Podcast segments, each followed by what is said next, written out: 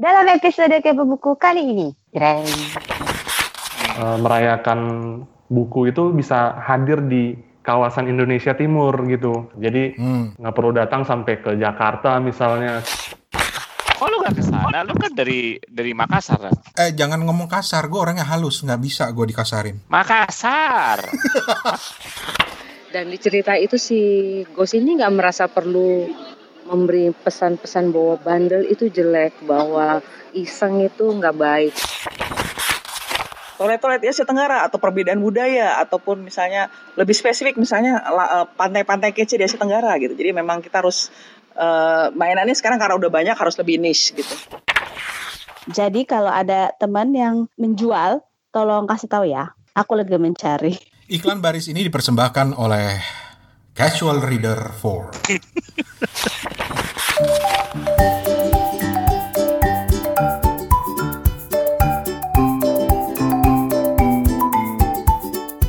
Inilah Kepo Buku episode ke-17.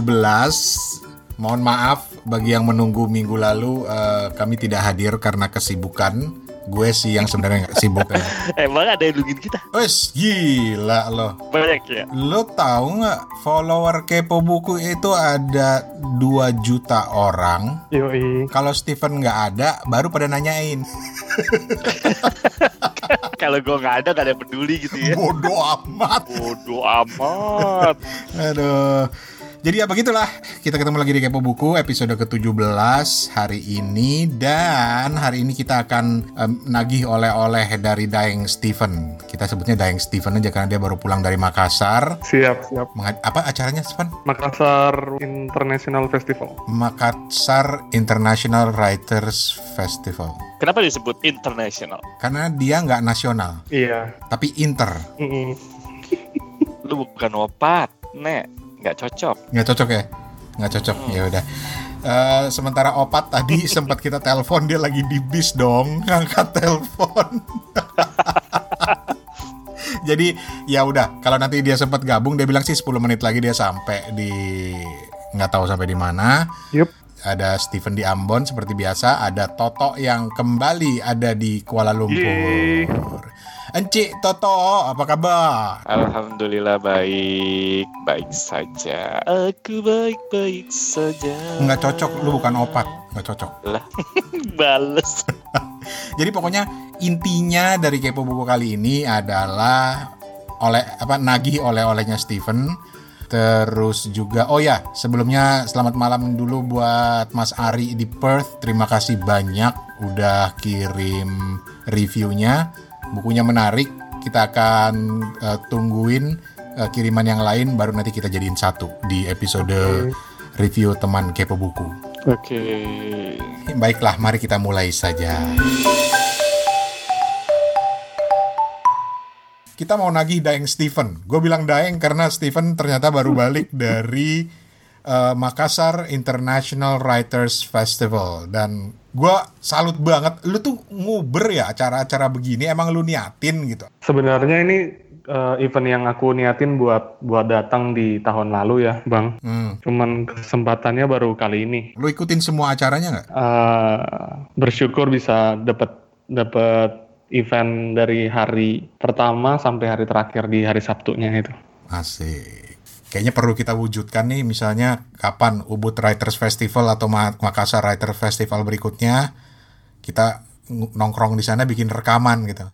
Boleh, lu ongkosin gue ya. Nanggung banget minta ongkos doang. Kalau ongkos tuh pesawat Jakarta, Singapura, Singapura, Jakarta tuh kan murah ya, Hmm. gitu kan.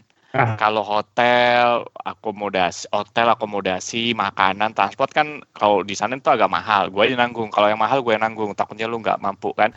Jadi yang murah lu bayarin. Emang kita berdua tuh levelnya cuma bisa omdo. Lihat tuh Steven. Udah ke Ubud, udah ke Singapura, udah ke Makassar. Emang. Eh, tapi sebentar, gue mau nanya sama Steven. Fred, Iya. waktu itu yang pas sebelum Makassar ini kan waktu itu lu juga pernah itu tuh yang ketemu sama Bu Leila, Iya. Bu Dori. Di Ubud-Ubud. Itu di Ubud. Nah, Iya. kalau ini yang di Makassar, tapi sebenarnya itu organisernya sama. Enggak, enggak. Jadi di di Makassar ini digagas oleh Rumata Art Space, Hmm. dikomandoi oleh Ibu Lili Farid. Oke. Lili Farid dan Mas Riri Riza. Jadi kedua orang inilah yang Oke. memiliki mimpi besar bagaimana Makassar tuh punya sebuah event, sebuah ajang kumpul literasi yang Mm-mm. bisa mewadai penulis, bisa mewadai pembaca, bisa mewadai agen-agen literasi di eh, pelosok Sulawesi Selatan dan Iya. aku iya. kira sangat-sangat berhasil untuk mendorong minat baca itu semakin nyata gitu. Heeh. Oke.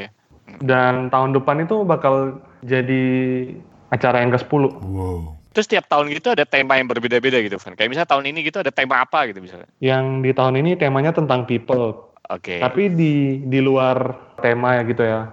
Yang aku pengen tekanin di acara ini adalah bagaimana simpul-simpul sastra kegiatan bertemu penulis Hmm. eh, merayakan buku itu bisa hadir di kawasan Indonesia Timur gitu. Jadi Hmm. nggak perlu datang sampai ke Jakarta misalnya ke Jogja untuk sekedar untuk kumpul-kumpul dan merayakan buku gitu. Tapi para penulis lah yang didatangkan ke Makassar. Uh-uh. Oke. Dan mereka meniatkan festival ini menjadi festival yang nirlimbah. Jadi ketika uh, pelaksanaan acaranya tuh sampah-sampahnya dipilah-pilih gitu. Misalnya uh, kita disuruh bawain ini, bawa tumbler sendiri gitu. Pembawa acaranya tuh disuguhi gelas sama pitcher. Udah mau minum, tuang sendiri. Kurang ambil sendiri di sumur. Ah, Orang sumur. Kok lu gak ke sana? Lu kan dari dari Makassar, kan? Lu Makassar bukan sih? Iya. Lu Sulawesi ya? Sulawesi, Makassar. Eh jangan ngomong kasar, gue orangnya halus, nggak bisa gue dikasarin. Makassar. Makassar. Oke, nih kayaknya yang lagi naik busway tadi udah sampai nih. Bentar ya, kita telepon dulu ya. Oke. Mbak Opat, Mbak Opat, Mbak Opat. Selamat malam. Selamat. Sudah sampai dengan selamat di busway? Hah? Dibahas weh. Ya udah. Sambil eh, dia minum dulu gitu kan ya. Kita lanjutin ceritanya Steven dulu. Jadi kita lagi nagih oleh-oleh Steven dari Makassar Writers Festival. Oke, jadi jadi siapa-siapa aja yang datang ya di di Makassar. Hmm, siapa aja, siapa aja, siapa aja. Yang pertama ada Agustinus Wibowo, Oke, Penulis. siapakah dia? perjalanan, penulis sastra perjalanan yang kondang itu. Ada Yandi Lawrence, kalau kemarin lihat film Keluarga Cemara, nah Ko Yandi ini yang bikin skenario-nya Oke. dan ada lagi tim dari Storyalco, online publisher itu yang lagi down juga.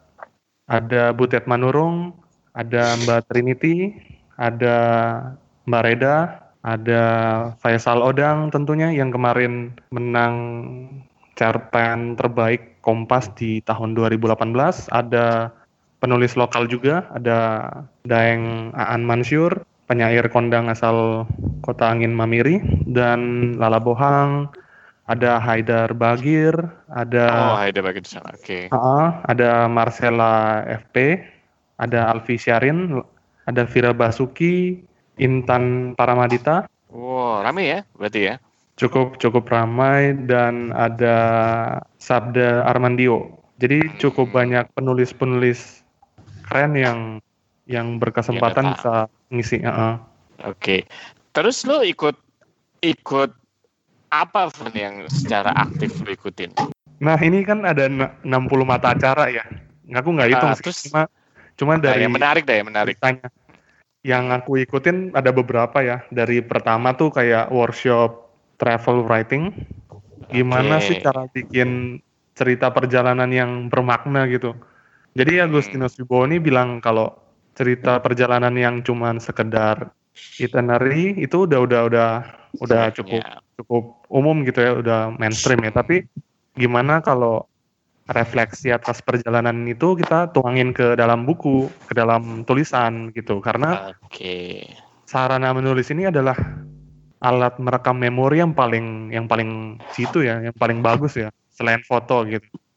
Terus ada yang menarik juga itu aku ikutin tentang launching bukunya ini Alfian di Pahatang.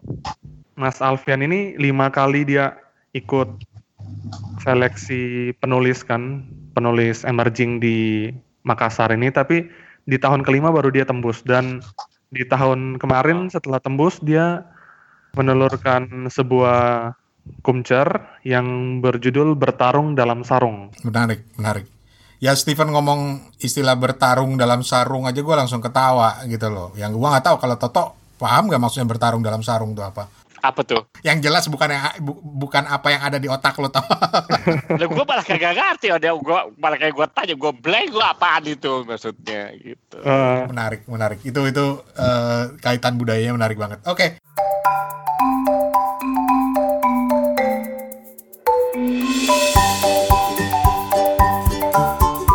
Van, lu ngobrol yang pertama tadi kan ada soal anak, ada soal traveling yang lu ikutin gitu ya. iya. Terus yang soal anak dulu. Ini ya, menarik siap. karena Reda yang jadi fokusnya dan Mm-mm. yang menarik eh, ketika beberapa hari lalu tiba-tiba Steven ngirim Mm. bukan ngirim pamer deh kayaknya ya dia ngobrol sama Reda Gaudiamo gue iri Eh, men itu idola gitu loh. Itu keren banget. Mbak Reda itu keren banget. Legend banget. Mbak Reda siapa? Nama panjangnya siapa? Reda Gaudiamo. Kalau lu pernah dengar duet Ari Reda dengan Hujan Bulan Juni salah satunya yaitu Reda Gaudiamo dia itu salah satu editor sebuah majalah mm. Oke. Kemudian kalau di kampus dulu sih taunya dia itu kayak troubadour gitu loh, menyanyi dengan gitar bersama Ari gitu ya, menyanyikan lagu-lagu folk song gitu deh. Mm. Dan belakangan gue baru tahu bahwa dia juga eh, menulis buku, terus eh, buku yang terakhirnya itu Yep. Nawila itu bahkan sudah diterjemahkan ke dalam bahasa Inggris. Eh, bahkan Mbak Reda sendiri sempat ke Inggris sebelum lama ini. Eh, istilahnya apa sih kalau lu Program residensi. program residensi gitu dan kita dengerin dulu obrolan dengan Reda Gaudiamo dan Steven Sitongan dari Makassar International Writers Festival.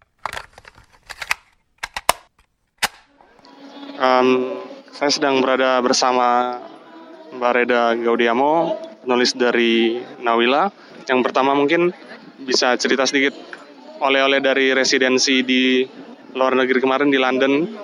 Eh, oleh-olehnya kalau dari segi buku saya merasa kita sangat membutuhkan buku dalam bentuk puisi untuk anak-anak karena tidak hanya membuat anak-anak mengenal bahasa tapi juga membuat mereka lebih mudah membaca, membuat otak mereka bekerja, bermain lebih lebih giat eh, dalam mengenal kata apa pun lah dalam bahasa buku. Jadi itu yang kita tidak punya saat ini. Terus kemudian adalah bagaimana eh, sekolah-sekolah membuat seperti kelas menulis untuk anak-anak yang memang berbakat dan punya minat besar untuk menulis dan itu diberikan kepada anak-anak kelas 4 ke atas kelas 4 SD ke atas dan buat saya itu sangat luar biasa karena anak-anak itu di setelah jam sekolah mereka mengikuti kelas itu selama 2 jam eh, kemudian datang 10 kali di akhir pertemuan mereka akan menyelesaikan sebuah novel.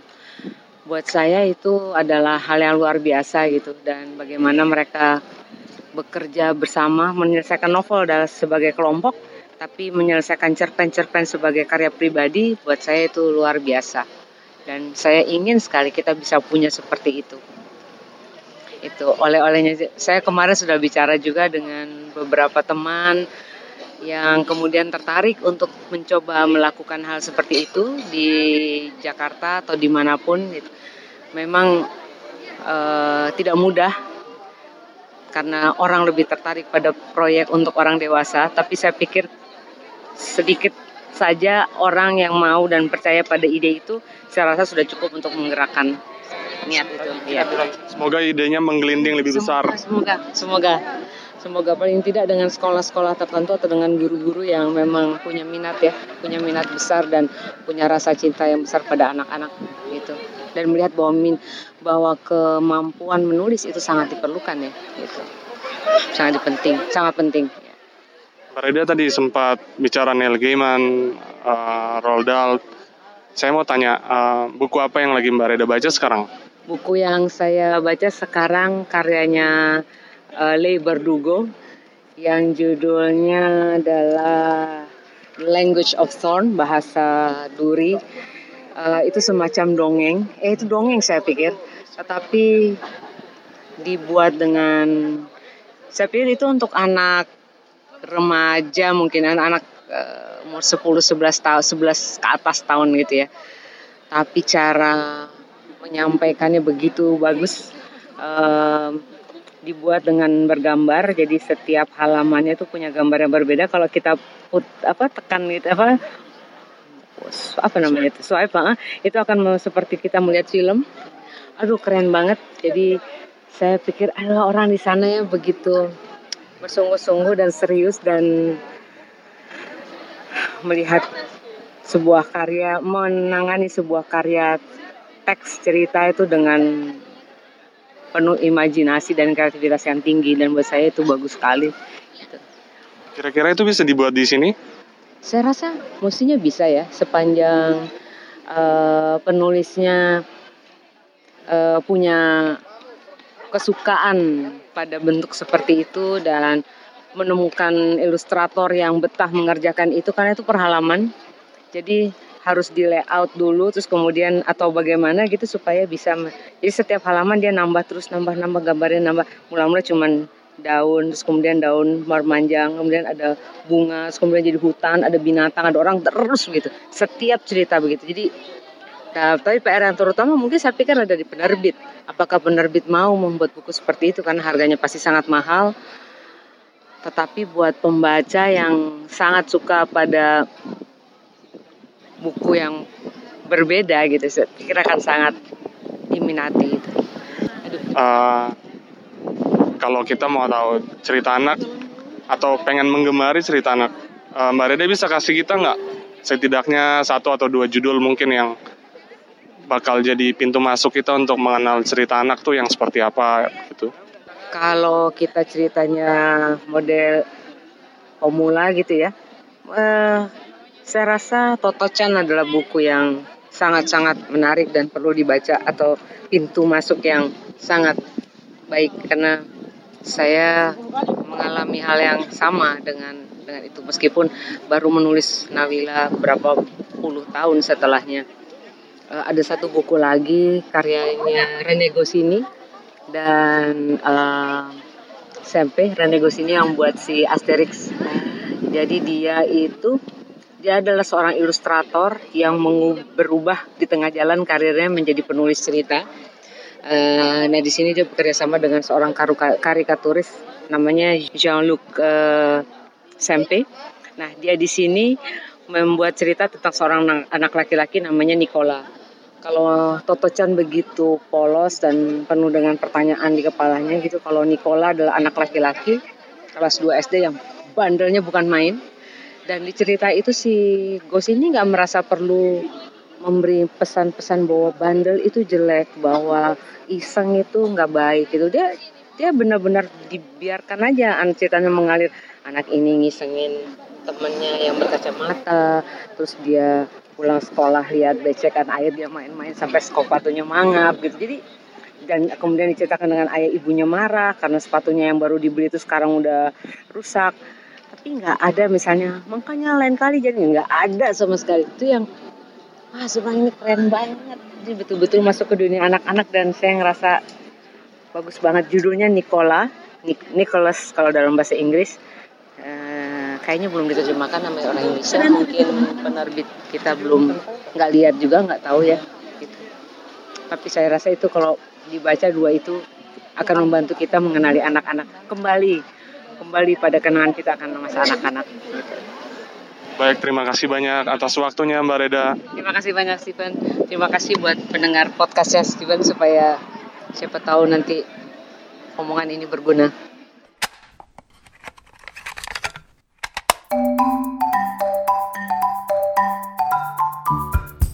Ada tiga poin menarik dari obrolan Steven ya, walaupun cuma cuma tiga poin sih emang uh, obrolannya yang pertama itu tentang uh, pengalaman dia waktu di London, terus pertanyaan standar kepo buku yaitu lagi baca buku apa, dan yang terakhir uh, buat gue yang terakhir ini pertanyaannya pintar banget nih.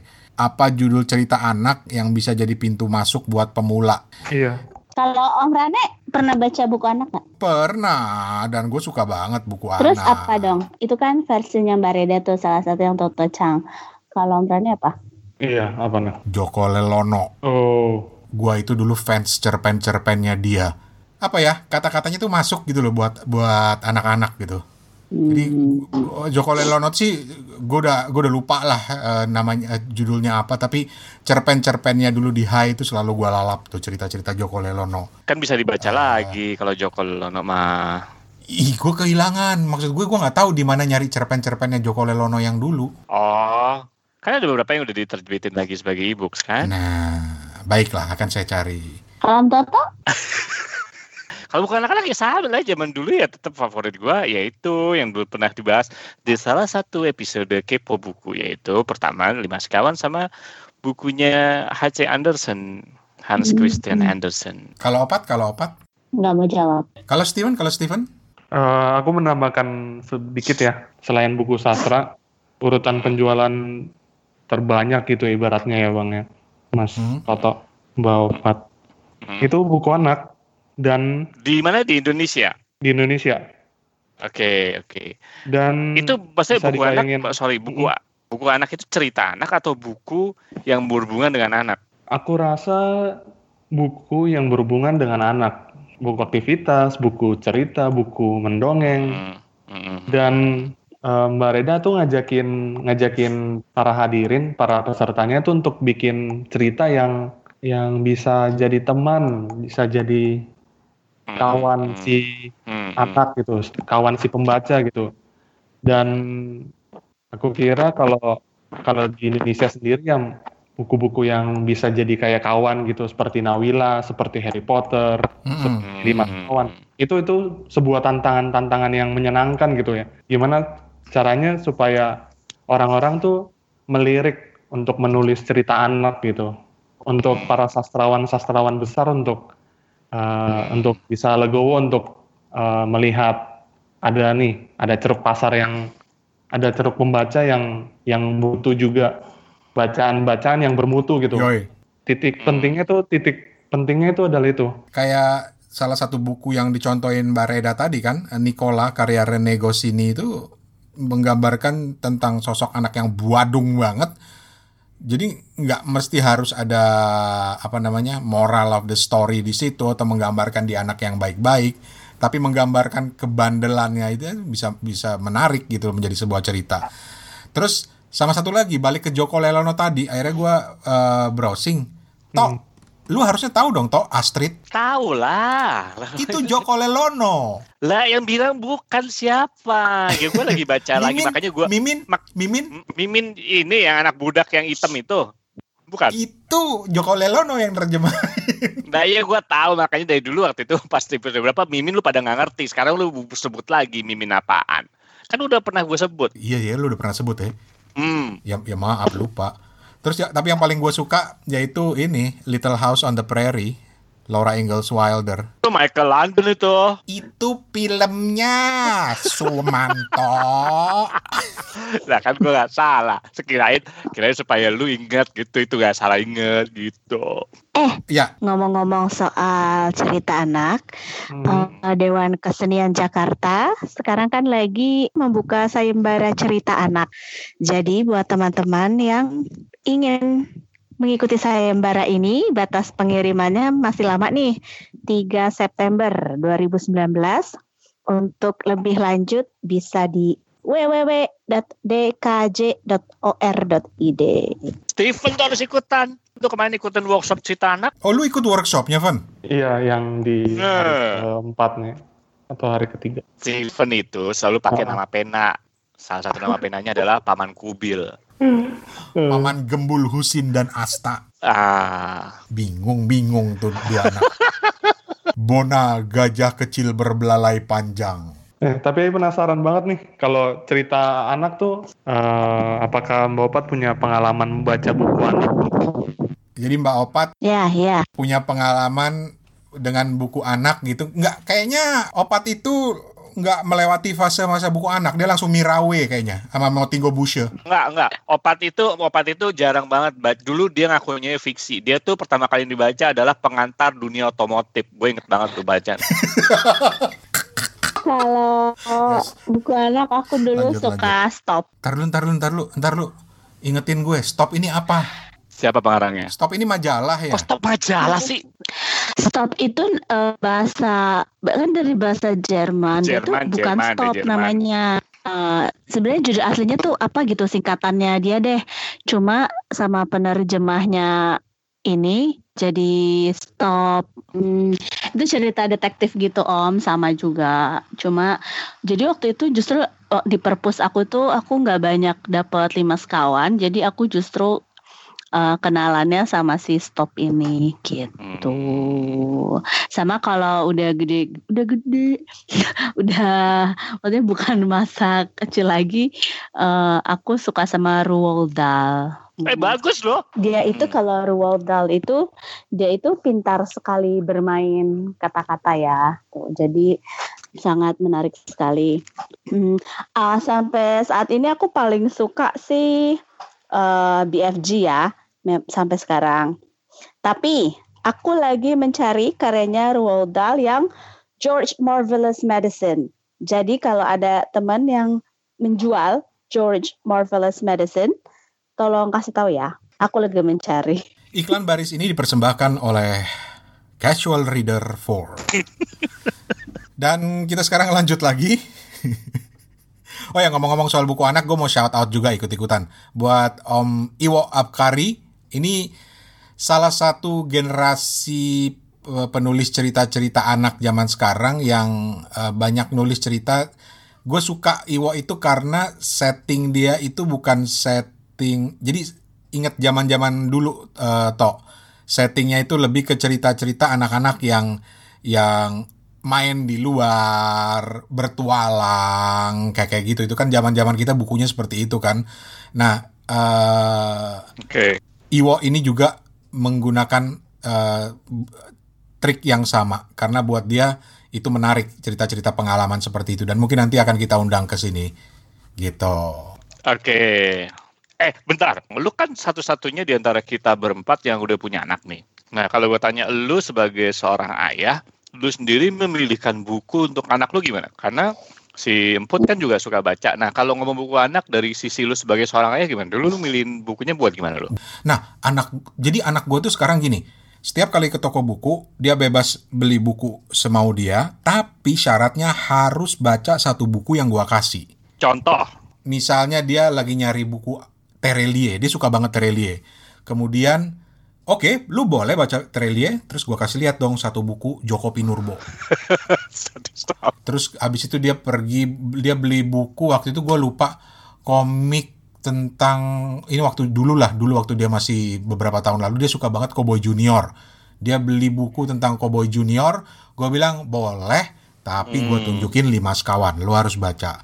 Dan yang terakhir, misalnya waktu kita ke Jakarta, dia beli buku apa gitu, gue lupa. Pokoknya buku-buku yang ada cerita-cerita Korea-Korea gitu, gua kasih dong Robinson Crusoe, Daniel Defoe Oh, lu harus baca Oke. gitu jadi ya gue nggak mau berusaha memaksakan tetapi minimal ada gue punya bargaining power lah Gue mau dong om, gue mau dong om kayak gitu. Hah? Emang lu anaknya siapa? Kayak emak gua. nah jadi tinggal lima sekawan yang kayaknya dia belum belum belum mulai tertarik. Nah berikutnya sih gue mau kasih dia buku-bukunya ini eh apa namanya Laura Ingalls Wilder. Jadi Fifty Shades of Grey. anjir itu bacaan bapaknya. Loh, dan dan dan anak gue ini sekarang lagi gua bujuk-bujuk. Setelah dia baca dia kan harus ceritain ke gue bukunya kan Hmm. kayak Robinson Crusoe tuh gila hampir sebulan baru kelar dia baca Hmm. Nah, oke. Enggak apa-apa. tapi ya gue gue suka lah karena itu dia dia dia me- membalas komitmen dia mematuhi komitmen dan janjinya untuk membaca walaupun kelihatan banget dia struggling baca buku setebal itu gitu ya tapi setelah itu gue minta lu ceritain ke gue terus dia bilang oke siapa takut wah terlalu mudah nih akhirnya gue bilang lu ceritain ke Om Toto Mbak Opat sama Om Steven di Kepo Buku Ah. baru dia mingkem Tapi menurut gua struggle-nya bukan gara-gara tebel deh. Karena dia suka baca kan. Kenapa? Kalau lu nggak tanya, struggle dia Ah. gara-gara apa? Gara-gara nggak suka ceritanya atau apa sih? Bukan. Apa? Eh, dia nggak bisa relate Oh, oke. dengan ceritanya. Betul, betul, betul, betul. Dia belum bisa relate dengan cerita. Oh ini kenapa ada kanibal lah segala macem terus Hmm, make sense, make sense. gitu loh. Nah, eh, tantangan buat gua pribadi adalah gue mencoba untuk relate dengan buku-buku dia. Misalnya, gua lagi mencoba menantang diri gua untuk mencoba menikmati Terelia yang lengkap di rumah gua itu buku. Oh, harus belajar sama opat kalau Terelie sih. Udah tamat soalnya opat. Iya, Oke, ceritain dari awal sampai akhir. ya wes. Eh, kita masuk ke bagian terakhir. Lu makan bagi-bagi napa? Makan siapa? Gua. Tuh kan.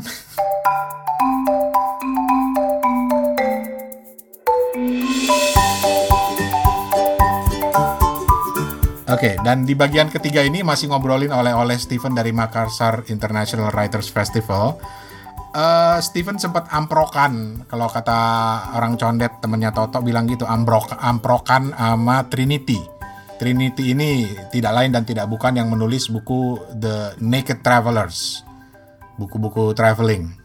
Emang di situ ada sesi tentang travel writing ya, eh, Steven ya? Iya. Dan Agustinus Wibowo men- eh, membawakan materi tentang apa? Yang kemarin itu tentang gimana cara menulis perjalanan yang bermakna. Hmm, Sedangkan untuk sesi terakhir di hari terakhir itu eh, percakapan The Naked Traveler bersama Mbak Trinity.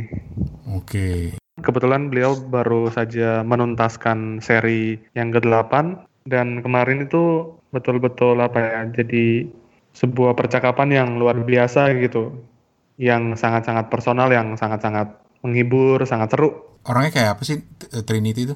Em, kalau dilihat dari tulisannya, Mbak Trinity an- adalah seorang pejalan yang semau dia gitu, Hmm. yang agak selengean juga dan selalu ceria gitu, dan begitu menikmati perjalanan. Dan Mbak Trinity ini adalah seorang travel blogger pertama yang naik daun, yang ibaratnya tuh dia pionir cerita-cerita perjalanan di Indonesia. Jadi meskipun bukan bukan ngasih tahu em, di daerah ini ada apa aja sih gitu, tapi dia bisa ngasih eh, kesan, ngasih pengalaman dia untuk seru-seruan bersama pembaca dan yang bisa aku tangkap ya dari kemarin itu para pembaca beliau itu adalah seorang yang sangat-sangat terinspirasi dan begitu membaca buku ini mereka tergerak untuk untuk nekat gitu, untuk berani melangkah, untuk berani cuti, berani ambil tabungan mereka dan pergi ke luar negeri misalnya. Gue masih belum berani sih. Oh gitu. ya ibaratnya ibaratnya keluar keluar dari Indonesia lah minimal. Oke. Heeh. Ya udah, kita kita dengerin dulu eh, amprokannya Steven sama Mbak Trinity. Eh, singkat aja sih, cuma dua poin pertanyaan dari Makassar International Writers Festival. Kita dengerin. Kita sedang bersama dengan Mbak Trinity. Saya ingin bertanya, apakah ada rekomendasi buku-buku traveling yang bisa memperkaya para calon penulis traveling di saat ini? Kalau Indonesia saat ini eh, belum ada yaitu Naked Traveler kan memang udah sendiri nggak nggak kayak belum ada yang mirip ataupun yang jadi apa yang yang bisa mirip seperti itu yang seperti itu ya. Tapi kalau misalnya dari luar negeri, aku sendiri eh, suka membaca buku-buku travel karangannya Bill Bryson, B I L L B R Y S O N. Itu dia dia memang eh, nulis travelingnya kayak aku gitu yang eh, santai, ringan, lucu tapi berpengetahuan. Terus Mbak Trinity, kalau bisa dibilang uh, penulis traveling sekarang tuh udah banyak banget. Dari mulai dari kayak model Mbak Claudia Kaunang, terus uh, model perjalanan yang lucu-lucuan, terus yang informatif tapi lucu juga kayak Mbak Trinity. Kira-kira ada tips apa gitu supaya uh, para penulis pemula ini berani untuk menelurkan karya mereka? Kalau untuk traveling sih berarti kita eh, karena sekarang udah banyak, kita harus rajin juga ke ngelihatnya ya di pasaran yang ada apa dan mengisi celahnya. Jadi misalnya, oh kalau yang tentang buku-buku budget gini kan udah Claudia Kaunang yang pegang.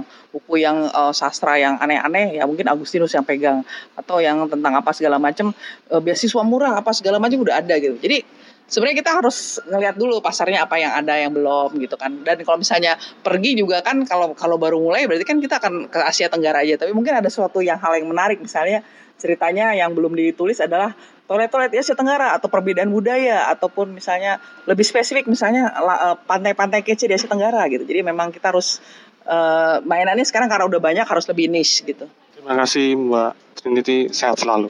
makasih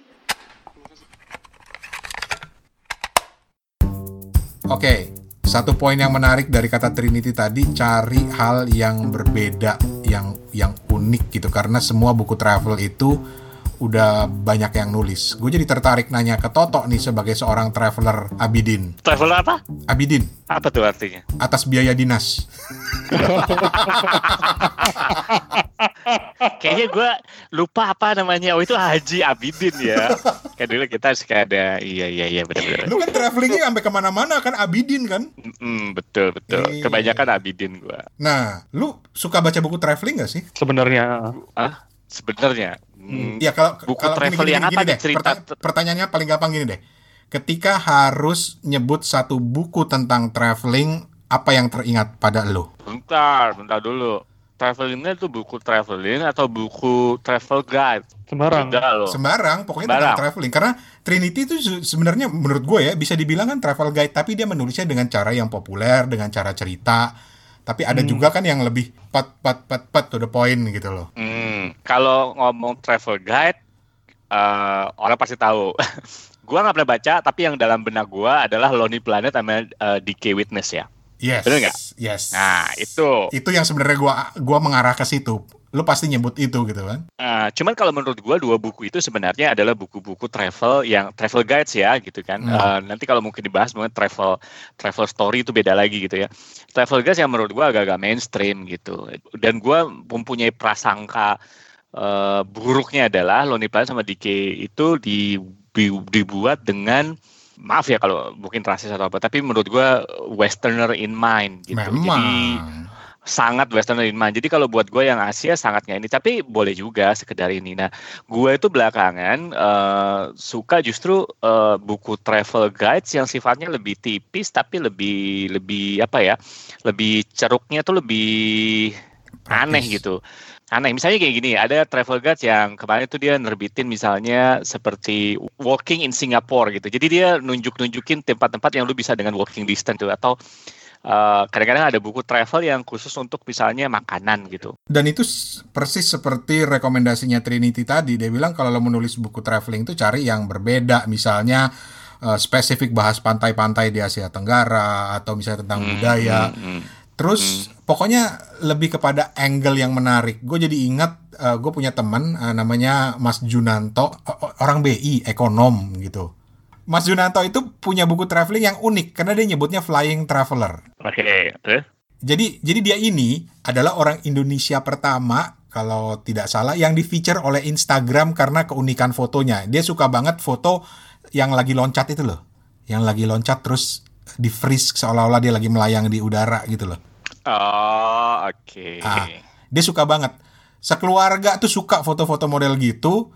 Terus akhirnya setiap dia traveling ke mana pun, dia selalu di objek-objek wisatanya dia foto dengan gaya dia loncat kayak begitu dengan pakaian daerah setempat di Tibet, di Jepang sampai ke Padang sekalipun dia melakukan itu dan itu jadi buku namanya Flying Traveler. Itu menarik. Mm-mm. Karena itu angle-nya jadi menarik gitu kan.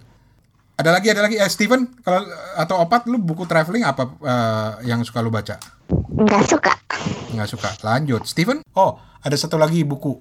Haji Backpacker. Itu juga buat gue buku perjalanan. Haji Oh ya, gue pernah baca tuh, gue pernah baca tuh kayaknya. Itu keren banget itu buku. Haji. Haji Backpacker. Jadi dia jadi dia cerita pengalaman dia tentang eh, pergi haji tapi backpacking. Oh, oke. Aguk Irawan yang nulis. Itu keren. Toto pasti tertarik karena Toto lagi mikir mau backpacker dia ke Condet. Ya, soalnya baju gue udah ada di conda, jadi gue nggak perlu bawa apa-apa lagi. Ada lagi referensi buku traveling? Tidak. Kayak kan bir peletok di bocah satu ya. Bir peletok. ya wes.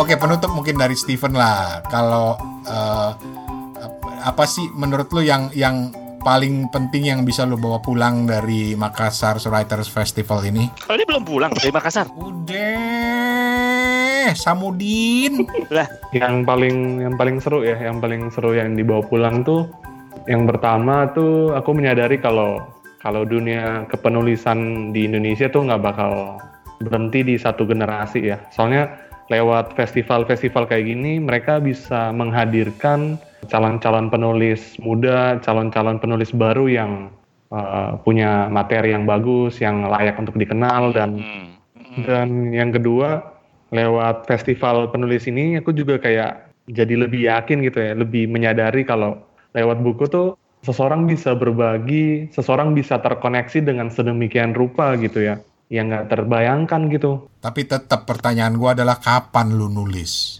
Lebih lebih ini ya, lebih lebih nyaman menjadi seorang pembaca sih bang. Cuma ini, cuma ini, cuma ini bang, katanya uh, Mas Jokpin gini bang. Jadi Hmm. gimana sih uh, teknik membaca sastra gitu? Dia bilang gini, misalnya Bang Rane bilang ke Emput gitu, baca ini ya. Nah itu setelah Emput baca, misalnya contohnya, Emput bisa mencoba untuk menuliskan apa yang dia rasain setelah membaca karya tersebut gitu. Ataupun pendengar kepo buku yang lagi dengerin ini, mungkin setelah baca Hmm. sebuah karya sastra, sebuah puisi, sebuah novel, sebuah cerpen, yuk kita tulisin apa yang yang menggugah, apa yang meresahkan atau apa pun yang terlintas di benak kita kita tulis, kita buat sebuah tulisan hasil pembacaan karya eh, Rane Hafid, karya Hertoto Eko gitu misalnya. Jadi Eh, opat kok nggak disebut? mau mau pat gitu, karya mau pat. bukan bukan. Opat opat khusus editor kan? oh iya, ah. Oh iya. Iya, Penyunting ya, penyunting. Ah. Hmm. Dan kalau tadi Steven bilang ada tips dari Joko Pinurbo bahwa selalu baca, lu ceritakan kembali atau lu tuliskan kembali. Mm-mm. Kenapa enggak juga lu rekam aja kirim ke Kepo Buku? boleh banget. Sae, sae. Saai, celengan semar. Celangan semar. Aduh, lu nggak ngerti deh tau nggak ngerti lu nggak ngerti tuh bercandaan zaman sekarang.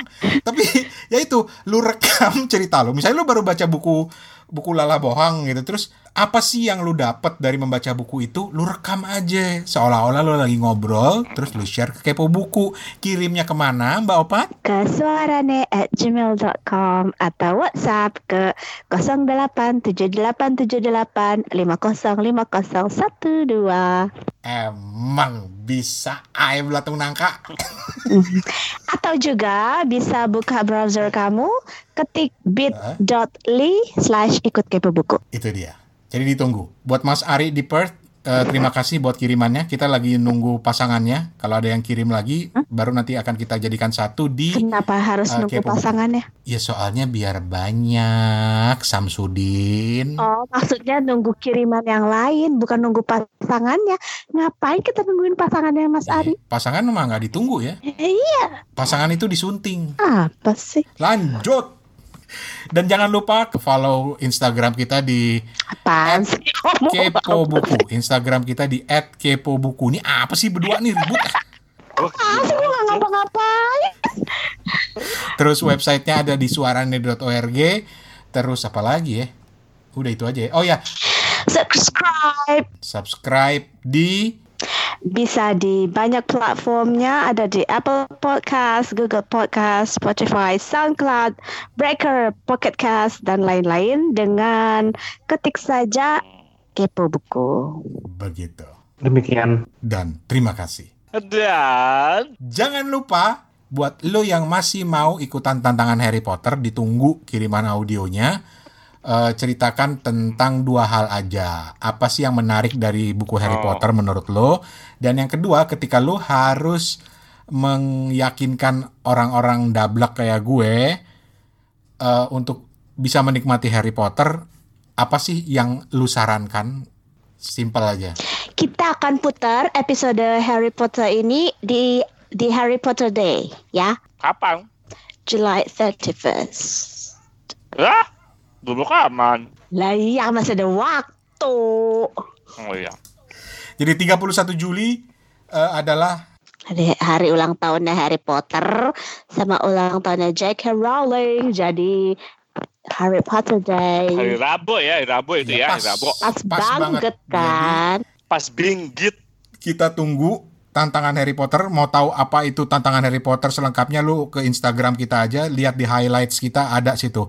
Harpot. Lu lihat aja di situ caranya gimana, kirimnya ke mana.